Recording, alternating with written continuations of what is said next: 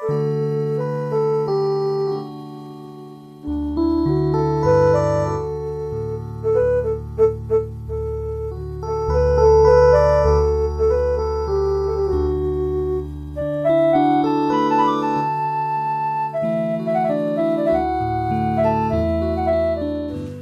ះវិទ្យុសំឡេងមេត្រីភាពផ្សាយចេញពីវិទ្យុ Adventist ពិភពលោកនាងខ្ញុំ Erica Pha ហើយខ្ញុំ John Prisley Pha សូមគោរពនិងស្វាគមន៍ចំពោះអស់លោក លោកស្រី និងប្រិយមិត្តអ្នកស្ដាប់ទាំងអស់ជាទីមេត្រី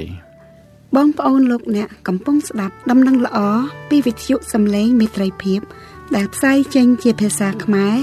មួយថ្ងៃពីរលើកព្រឹកពីម៉ោង6ដល់ម៉ោង6:30នាទី ពេលល្ងាចពីម៉ោង8ដល់ម៉ោង8:30នាទីយប់តាមរលកធាតុអាកាសខ្លី short wave 15150 kHz កម្ពស់19ម៉ែត្រអ្នកស្រីសុនសវណ្ណានឹងជម្រាបជូននៅកម្មវិធីសម្រាប់ថ្ងៃនេះដូចតទៅ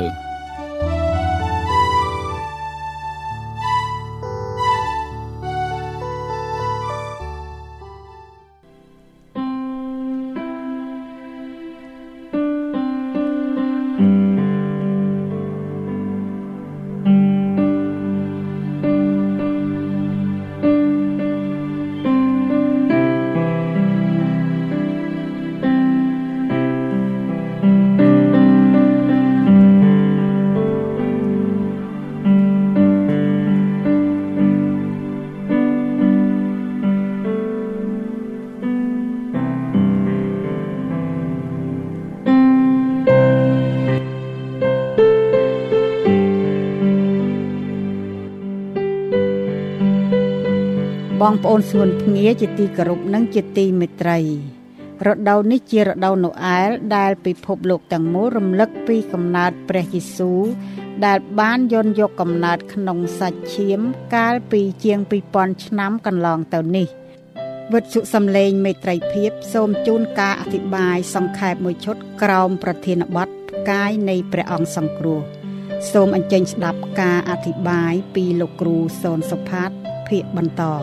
សូមព្រះជាម្ចាស់ប្រទានព្រះពរដល់បងប្អូនសួនភ្ងាជាបរិបូរអាមែន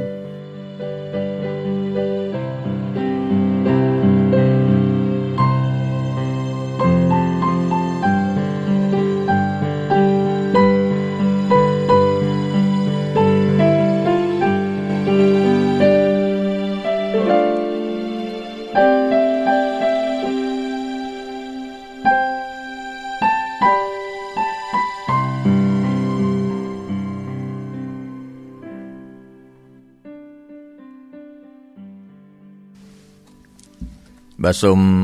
ជំរាបសួរបងប្អូនសូមគ្រប់ស្វាគមន៍បងប្អូនសួស្តីថ្ងៃសបាសបាទថ្ងៃនេះខ្ញុំវិលត្រឡប់មកជួបជាមួយបងប្អូនសុនភ្ងានិងប្រិយមិត្តទាំងអស់វិញនៅក្នុងនេតិដែលខ្ញុំអធិប្បាយឈុតមួយអំពីផ្កាយនៃព្រះអង្គសង្គ្រោះបាទខ្ញុំបានអធិប្បាយពីភាគអឺខ្លីៗសង្ខេបមកហើយហើយថ្ងៃនេះយើងដល់អឺភាគទី3ដែលនៅក្នុងអឺការអធិប្បាយនោះគឺខ្ញុំបាន លើកមកជម្រាបជូនដល់បងប្អូនសួនភ្ងាប្រិយមិត្តទាំងអស់ឲ្យបានដឹងអំពីផ្កាយនៃព្រះអង្គសង្គ្រោះគឺថាជាបទទំនាយអឺដែលបានចែងក្នុងព្រះគម្ពីរតាំងពីគម្ពីរដើមដំបូងគម្ពីរលោកុបាតរហូតមកដល់នៅក្នុងព្រះគម្ពីរម៉ាថាយ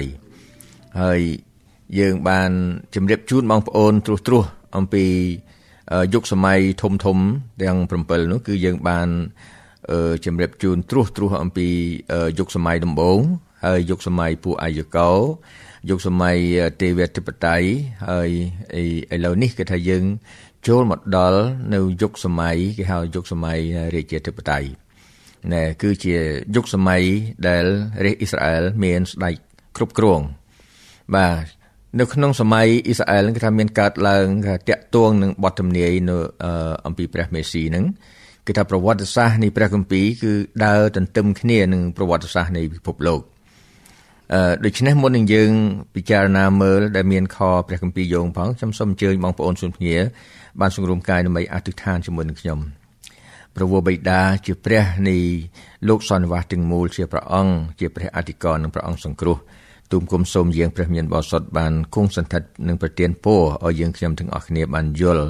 អំពីព្រះបន្ទូលនិងផែនការសង្គ្រោះរបស់ព្រះអង្គទូមគុំសូមអធិដ្ឋានដោយនៅព្រះនាមព្រះម្ចាស់ព្រះយេស៊ូវគ្រីស្ទអាមែនបើបងប្អូនស្ងួនភ្ងាយើងផ្ទៀងផ្ទាត់មើលពីពេលវេលានៃប្រវត្តិសាស្ត្រគឺថាវាដើរស្របគ្នានឹងព្រឹត្តិការណ៍អ្វីដែលឯកសារដកស្រង់ពីសភៅនៅក្នុងព្រះគម្ពីរមានព្រះគម្ពីរខ្លះមានការពន្យល់បកស្រាយ និងមានកំណត់ត្រាជាអឺលំដាប់រៀងហៅ chronology នៅក្នុងព្រះគម្ពីរហ្នឹងគឺខ្ញុំឃើញនៅក្នុងសភៅ NIV Study Bible គឺមានកត់ត្រានៅពេលវេលាមួយចំនួនដែលខ្ញុំចែកជូនបងប្អូន ថានៅក្នុងសម័យលោកអាប់រ៉ាហាំគឺសម័យអាយុកោហ្នឹងគឺថាយើងឃើញនៅគម្ពីរខ្លះមានចែងអំពីពេលវេលា គម្ពីរខ្លះនិយាយថាពេលវេលាហ្នឹងគឺมันអាចកំណត់បានប៉ុន្តែនៅក្នុងគម្ពីរ NIV ហ្នឹងគឺបានអឺគេស្រាវជ្រាវទៅគេឲ្យកំណត់ថាចំនួនប្រហែល2166ឆ្នាំមុនកំណើតរបស់ព្រះយេស៊ូវហើយពួកកូនចៅអ៊ីស្រាអែលពេលដែលគេចេញពីប្រទេសអេស៊ីបមកគឺនៅក្នុងឆ្នាំ1446មុនគ្រិស្តសករាជដែរបាទក្រឹតវិន័យ10ប្រការ ដែលព្រះជាម្ចាស់បានប្រទានដល់លោកម៉ូសេនៅលើភ្នំស៊ីណាយគឺនៅក្នុងអំឡុងឆ្នាំ1445គឺឆ្នាំមួយឆ្នាំបន្ទាប់ពីកូនចៅអ៊ីស្រាអែលនឹងបានដើរចេញពីប្រទេសអេស៊ីបមកបាទចូលក្នុងទីវាលហោស្ថាន ហើយនៅក្នុងនេះតកតងជាមួយនឹងសម័យរាជាធិបតេយ្យគឺកូនចៅអ៊ីស្រាអែលបានសុំឲ្យព្រះជាម្ចាស់ហ្នឹងគេថាឲ្យមានតាំងស្ដេចឡើងដើម្បីដឹកនាំពួកគេនោះគឺនៅក្នុងស្ដេចសូល គឺជាស្ដេចទី1នៅក្នុងអឺគេហៅថានៃកូនចៅអ៊ីស្រាអែលហ្នឹងគឺកើតឡើងនៅក្នុងឆ្នាំ1050មុនគ្រិស្តសករាជ បាទបន្ទាប់មកទៀតមក40ឆ្នាំក្រោយមកទៀតបានមានស្ដេចមួយអង្គទៀតគឺស្ដេចដាវីតគេហៅថាលួងដាវីតឬស្ដេចដាវីតហ្នឹងគឺនៅក្នុងឆ្នាំ1010មុនគ្រិស្តសករាជហើយបន្ទាប់ទៀតមកលួងដាវីតមានកូន មានបុត្រមួយដែលឈ្មោះថាលួងសាឡូមោនហ្នឹងគឺនៅក្នុងឆ្នាំ970មុនគ្រិស្តសករាជនេះខ្ញុំគ្រាន់តែលើកអឺគេហៅថាឆ្នាំខ្លះពេលវេលាខ្លះដើម្បីឲ្យបងប្អូនលោកអ្នក បានដឹងពីគោលចរិតខ្លះនៃប្រវត្តិសាស្ត្រដែលតាក់ទងទៅនឹងព្រះគម្ពីរបាទយុគសម័យទេវធិបតេយ្យនោះគឺថាមានទានមិនមែនថាកូនចៅអ៊ីស្រាអែលនឹងទៅថ្វាយបង្គំព្រះអាទិទេពអ្វីទេគឺថានៅក្នុងសម័យនោះគឺបើយើងមើលឃើញមែនទាននៅតាក់ទងក្រិតវិន័យ10ប្រការហ្នឹងគឺថាព្រះជាម្ចាស់បានមានព្រះបន្ទូលដំបងផុតថាកុំអោយមានព្រះឯណានៅចំពោះអញ្ញសោះហ្នឹងគឺថាបានសេចក្តីថាមានព្រះដែលក្រៅពីព្រះនៃនគរឋានសួគ៌ ដូច្នេះយើងឃើញថាកូនចៅអ៊ីស្រាអែលហ្នឹងជួនកាលពេលខ្លះពួកគេត្រូវផ្លាតចេញពីស្ដីជំនឿទៅលើព្រះអធិការហើយក៏ទៅថ្វាយបង្គំតាមព្រះនៅសាសដតីដែលនៅចិត្តក្បែរនោះដែរហើយដូច្នេះនៅក្នុងសម័យអឺទេវធិបតេយ្យបើយើងមើលមែនទាននៅក្នុងពេលនោះឃើញថាកូនចៅអ៊ីស្រាអែលហ្នឹងគឺគេបានគ្រប់គ្រងគេថាមិនទាន់មានអឺដូចថាណែ នេះគេថាបើយើងមើលមែនទែនគឺយើងឃើញថាពួកគេ គ្រប់គ្រងដោយពួកចវាយបាទ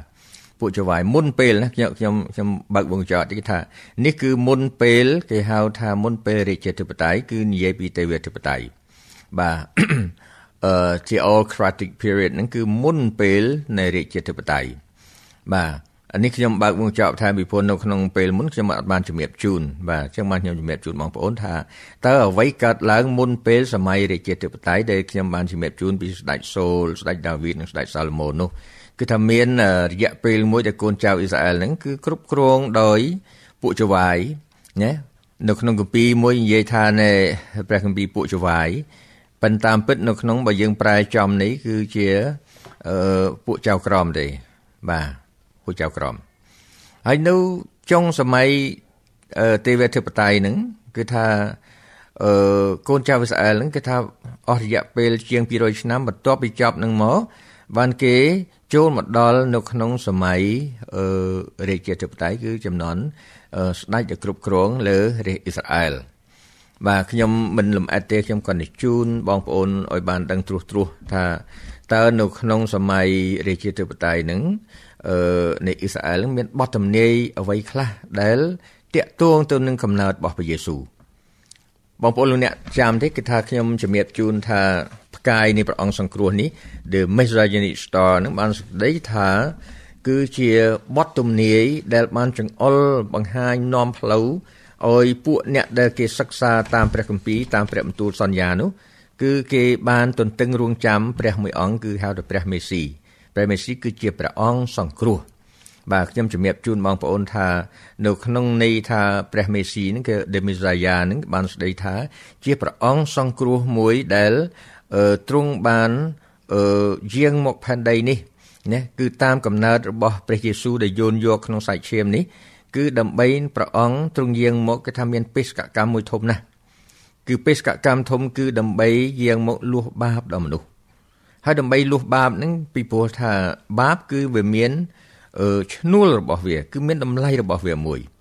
អ្នកណាធ្វើបាបគឺថាត្រូវតែសងថ្លៃបាបនោះ ដោយសារអីដោយសារអេតម្លៃមួយគេថាដែលសំខាន់ផុតគឺថាព្រះយេស៊ូវបានយកប្រជញ្ញមកព្រះអង្គដើម្បីមកលុះបាបដល់មនុស្សទាំងអស់បាទទាំងនេះហើយដែលជាអាកំបាំងមួយដែលយើងពិបាកយល់ ហើយបងប្អូនទាំងអស់គ្នាទៀមទាពេលវេលាខ្លះហើយនឹងសិក្សានឹងសេចក្តីជំនឿរបស់យើងផងដែរដើម្បីយល់ពីការនេះហើយខ្ញុំមិននៅកន្លែងនឹងយូរខ្ញុំនាំបងប្អូនយើងមកមើលខ្ញុំចង់ឲ្យបងប្អូនទាំងអស់គ្នាដឹងថាទៅតើនៅក្នុងសម័យរាជាធិបតេយ្យនោះវាមានជាប់តេតិនពីអ្វីខ្លះបាទបើយើងមើលទៅក្នុងព្រះគម្ពីរអេសាយយើងឃើញថាដែលនៅក្នុងសម័យនោះគឺ សូម្បីតែហោរាអេសាយតែមួយហ្នឹងបងប្អូនអ្នកមើលទៅគម្ពីរអេសាយចំពុក1ជាមួយខ្ញុំយើងនឹងឃើញថាគម្ពីរបានចង្អុលបង្ហាញប្រាប់យើងថាអឺអេសាយចំពុក1ខ1ថានេះជាការជាក់ស្ដែងដែលអេសាយជាកូនអម៉ូសបានឃើញពីដំណើរស្រុកយូដានិងក្រុងយេរូសាឡឹមក្នុងរាជអ៊ូសៀយូថាមអេហាហើយនិងហេសេគៀជាស្ដេចស្រុកយូដាដូច្នេះយើងឃើញថានៅក្នុង ពេលហោរាអេសាយគឺថាលោកបានធ្វើជាហោរាលើពួកកូនចៅអ៊ីស្រាអែលនឹងនៅក្នុងរជ្ជកាលនៃស្ដេច4អង្គគឺស្ដេចនៃព្រះនាមអ៊ូសៀស្ដេចព្រះនាមយូថាមស្ដេចព្រះនាមអេហាហើយនិងស្ដេចព្រះនាមហេសេគៀសុទ្ធតែជាស្ដេចស្រុកយូដាបងប្អូនលោកអ្នកចាំទេ ស្រុកយូដាគឺជាអាណាចក្របែកខាងត្បូងបាទហើយឥឡូវនេះយើងឃើញឃើញថានៅក្នុងនេះយើងនិយាយតែមួយចំហៀងទេប៉ុន្តែនៅបែកមួយចំហៀងទេគឺអាណាចក្រអ៊ីស្រាអែលគឺអាណាចក្រខាងជើង បាទលោកខ្ញុំអោយបងប្អូនយើងទាំងអស់គ្នាមើលថាតើកូនចៅអ៊ីស្រាអែលមានបទទំនាយណា ដែលទាយច្បាស់នៅក្នុងការដែលព្រះយេស៊ូវនឹងចាប់កំណើតមកលើផែនដីនេះហើយបងប្អូនលោកអ្នកបើចាំដំបូងផុតដែលខ្ញុំបានជំរាបជូនថាមូលហេតុដែលព្រះជាម្ចាស់នឹងបញ្ជូនព្រះរាជបុត្រារបស់ព្រះអង្គគឺព្រះយេស៊ូវគ្រីស្ទឲ្យយោនយកកំណើតជាសាច់ឈាមដើម្បីបំពេញនៅព្រះមហាពុជនីយកិច្ចនេះ គឺដោយសារតែមនុស្សយើងបានធ្លាក់ចុះក្នុងអំពើបាបនៅក្នុងគម្ពីរលោកុបាទចំពុក3ឃើញថាអំពើបាបបានចូលមកនៅនៅក្នុងអឌីងសួនច្បារដែលព្រះជាម្ចាស់បានទៅនឹងបង្កើតមកដល់ស្រស់ត្រកាលហើយបានដាក់អាដាមអេវ៉ាឲ្យនៅទីនោះប៉ុន្តែពួកគេបានធ្លាក់ចុះក្នុងអំពើបាបដូច្នេះហើយបានជាព្រះជាម្ចាស់បាន មានផែនការដើម្បីនឹងជួយសង្គ្រោះ ឲ្យគេបានវិលត្រឡប់មកឯព្រះអង្គវិញនេះគឺគឺជាបេសកកម្មមួយដ៏ធំណាស់របស់ព្រះលោកបងប្អូនមើលនៅក្នុងគម្ពីរអេសាយយើងឃើញមានចំណុចច្រើនប៉ុន្តែខ្ញុំមើលឃើញចំណុចមួយសំខាន់ត្រង់នៅក្នុងគម្ពីរអេសាយជំពូកអឺជំពូក9ហើយនៅក្នុងពេលដែលបទបន្ទូលនេះបានចែងគឺយើងឃើញថារយៈពេលមួយដែលខ្ញុំជម្រាបជូនថ្ងៃមុនថា អឺកូនចៅអ៊ីស្រាអែលហ្នឹងមានរយៈពេលអឺបន្ទាប់ពីរាជាធិបតេយ្យហ្នឹងមានរយៈយុគសម័យធំ3ទៀតគឺយុគសម័យក្រោមការត្រួតត្រារបស់ពួកបរទេសណាយុគសម័យនៃម៉ាកាប៊ីហើយនិងយុគសម័យរ៉ូមដូច្នេះនៅក្នុងចុងព្រះគម្ពីរសញ្ញាចាស់គឺមានរយៈពេលគេហៅថាស្ងាត់សូនសុងចំនួន400ឆ្នាំថានេះឯងដែលខ្ញុំអោយបងប្អូនលោកអ្នកបានចាំថានៅក្នុងបទបន្ទូល សំបីតែនៅក្នុងពេលដែលគម្ពីរអេសាយបានចែងមកគឺថាព្រះគម្ពីររបស់ព្រះអង្គគឺមានលក្ខណៈពីរយ៉ាងគឺព្រះបន្ទូលរបស់ព្រះទី1គេហៅ prophetic prophetic បានន័យថាមានលក្ខណៈជា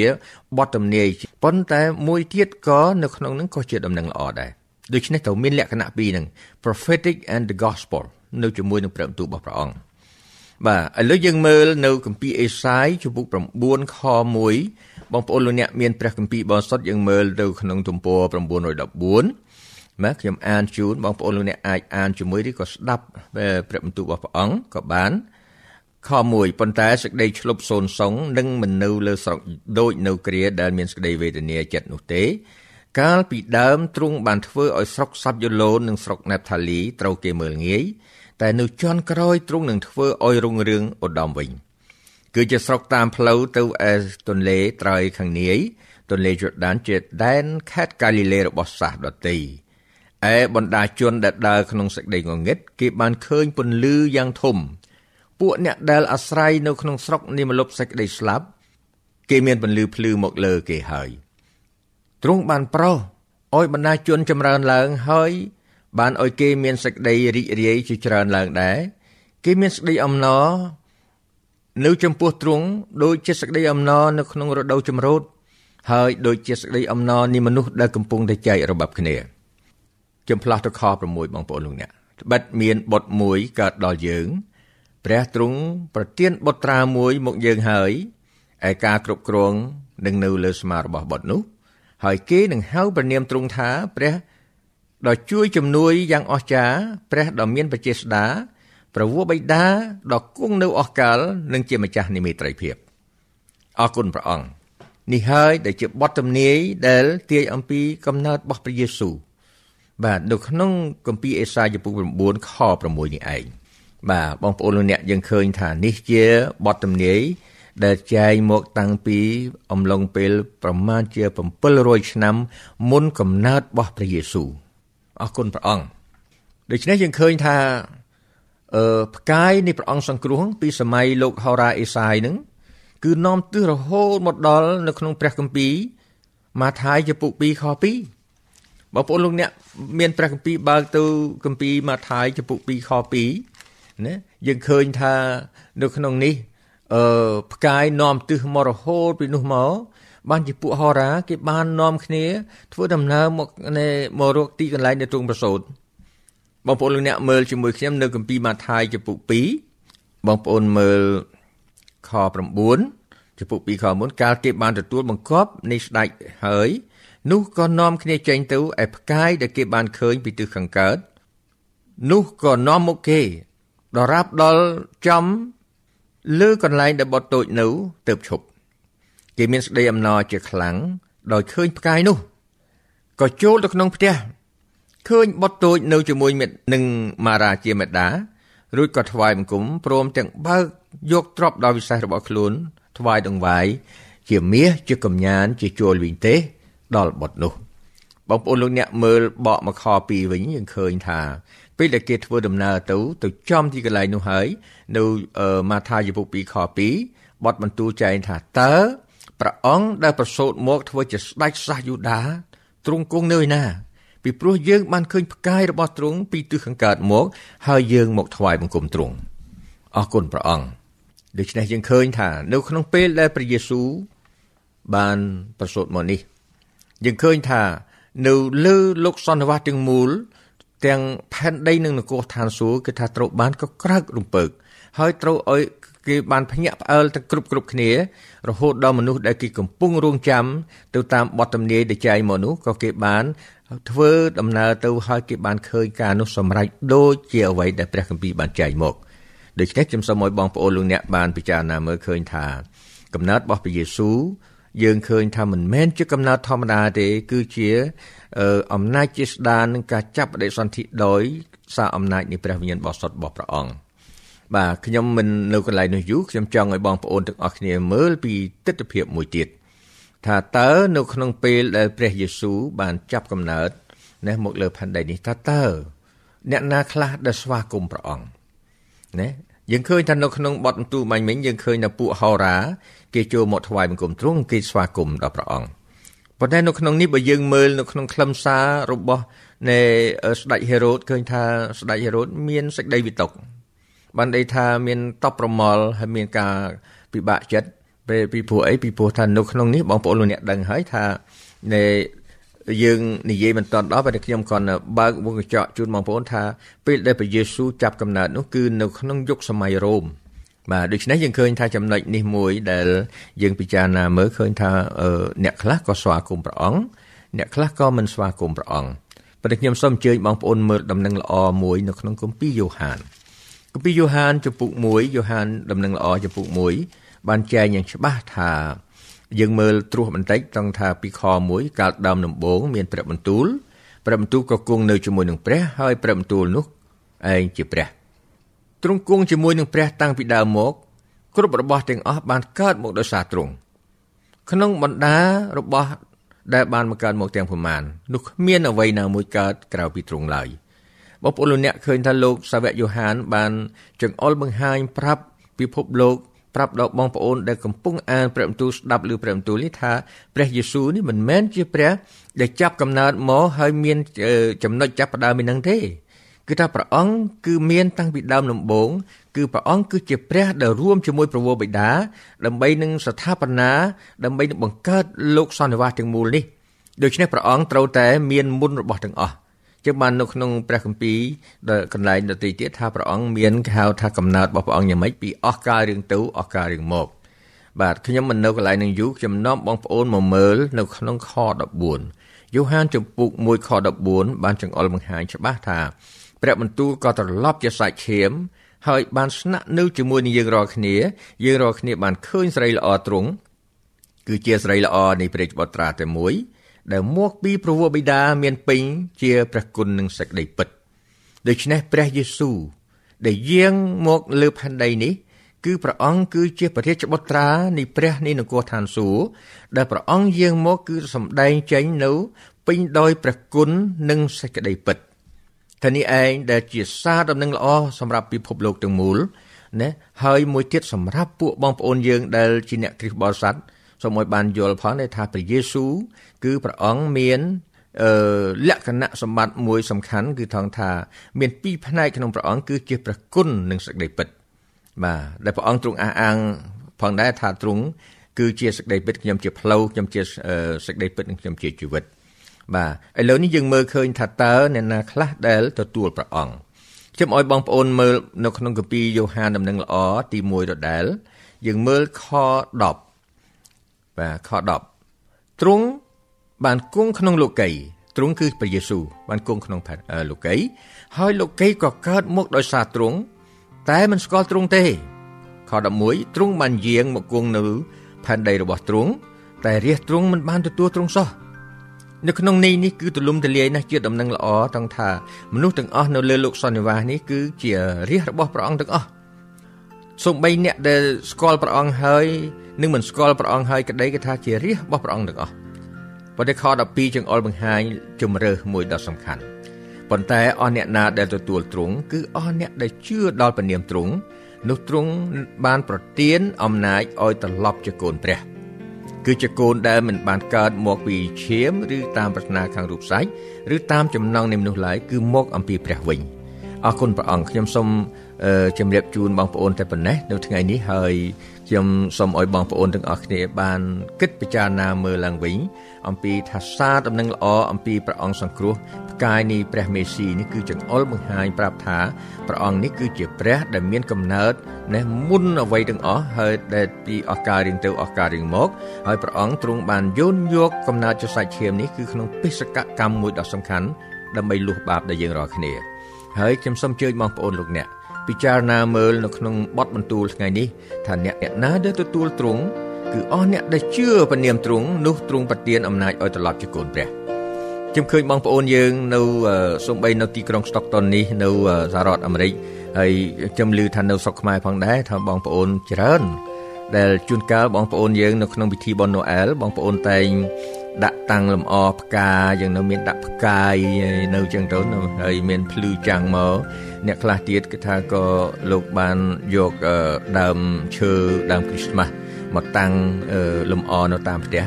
នេះគឺជាលក្ខណៈមួយជាលក្ខណៈដែលថាបានទទួលស្គាល់ថានេះជាកំណើតរបស់ព្រះយេស៊ូវប៉ុន្តែជាកំណើតនៅក្នុងសាច់ឈាមនៅលើផែនដីនេះគេថាប៉ុន្តែខ្ញុំអោយបងប្អូនយើងទាំងអស់គ្នាស្វែងយល់បន្ថែមទៀតត្រង់ថា ព្រះអង្គនេះគឺជាព្រះនៃនគរឋានសួគ៌ជាព្រះបុត្រានៃព្រះ ដែលពេញដោយប្រគុណនឹងស្ដីពិតដែលព្រះអង្គអ្នកណាមួយដែលទទួលយកព្រះអង្គថាជាព្រះអង្គសង្គ្រោះនោះនឹងបានទទួលជីវិតអស់កលជានិច្ចបាទសូមព្រះជាម្ចាស់ប្រទានពរបងប្អូនសុខភាពជាបរិបូរណ៍អាមែន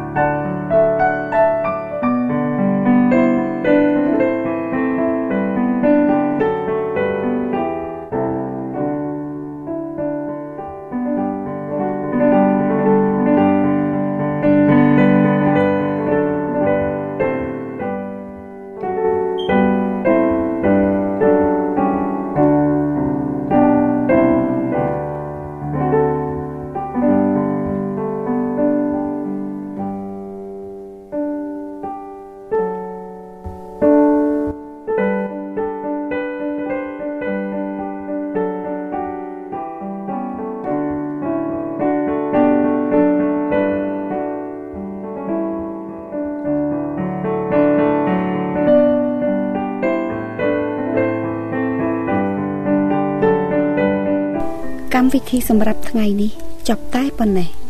វិទ្យុយើងសូមថ្លែងអំណរគុណជាអតិបរមា ចំពោះការយកចិត្តទុកដាក់ស្ដាប់របស់អស់លោកអ្នកនាង សូមព្រះជាម្ចាស់នៃមេត្រីភាព ប្រោសប្រទានព្រះពរគឺសេចក្តីសុខសន្តិភាព អំណរនិងសុភមង្គលជានិច្ចនិរន្តរ៍តរៀងទៅសួស្តី